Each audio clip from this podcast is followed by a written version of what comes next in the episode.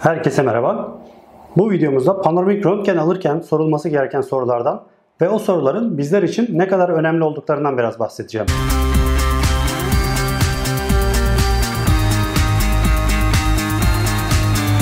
Röntgen almak isteyen hekimlerimiz genellikle panoramik röntgenlerini seçerken çok fazla teknik detaya girmekte ve çok fazla teknik e, sorular sormakta. En baştan söyleyeyim, o soruların hiçbirisinin cevabını gözle görecek şekilde ayırt etmemiz mümkün değildir.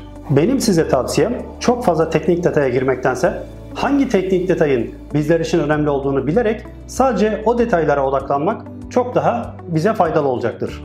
Tabii ki cihazımızın güncel olup olmadığını, teknolojiye uygun olup olmadığını sormak için birkaç tane teknik detay sorabiliriz. Ama onun haricinde teknik detaylardan daha önemli konular var. Mesela çekim yaparken hangi ayarları cihaz bizim yerimize yapıyor? Hangi ayarları bizim yapmamız gerekiyor?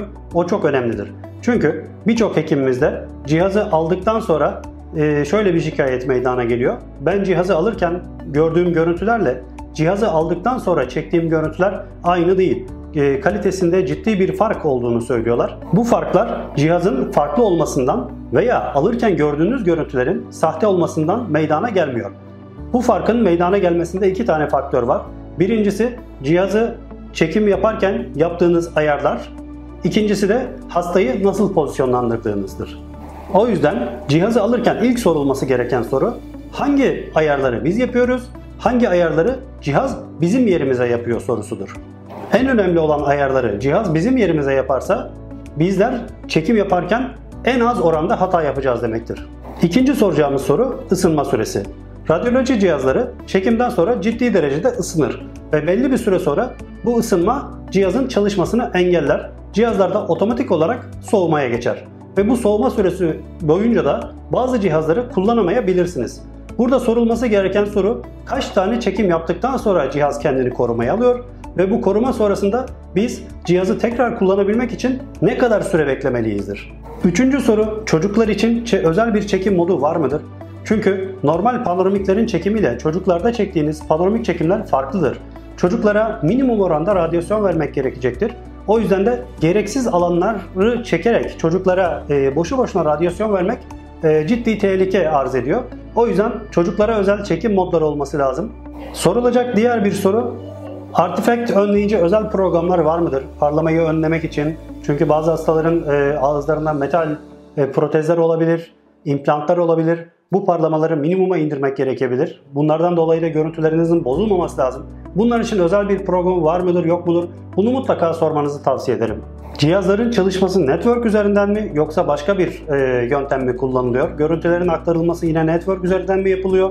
Bunları sormanızı tavsiye ederim. Hızlı bir aktarımı olan cihazlar her zaman için daha iyidir, daha hızlıdır. Tabii en önemli sorulardan biri de yine servis. E, bir arıza durumunda müdahale süresi ne kadardır? Ne kadar sürede cihazı çalışır hale getirilecektir? Yedek parça temini ne kadar sürede yapılmaktadır? Bunları mutlaka e, satın alacağınız firmaya sorun ve bunları yazılı olarak kendilerinden talep edin. Unutmayın cihazlar hem kullanıcıların yanlış kullanılmasından hem de e, diğer dış faktörlerden dolayı arıza tabii ki arıza yapabilir. Bu arıza durumunda yedek parça fiyatları nedir? Özellikle tüp kısmında ve sensör kısmında bir arıza yaşadığınızda cihazın kendisi kadar bir tamirat ücreti mi vereceksiniz Yoksa bunları makul bir seviyede firma çözebilecek mi? Mutlaka onları sorun ve bunları yine kendilerinden yazılı olarak talep edin. Yaşayabileceğiniz ufak tefek sorunlarda uzaktan destek hizmetleri var mı?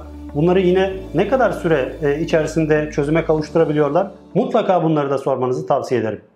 Son olarak da cihazların görüntüsüne bakarken programın içinde yüklü olan otomatik gelen demo görüntülerinden değil, hazır hastalardan alınmış görüntülerden bakarak cihazın performansını ölçebilirsiniz. Umarım bu bilgilerin faydası olmuştur. Görüşmek üzere.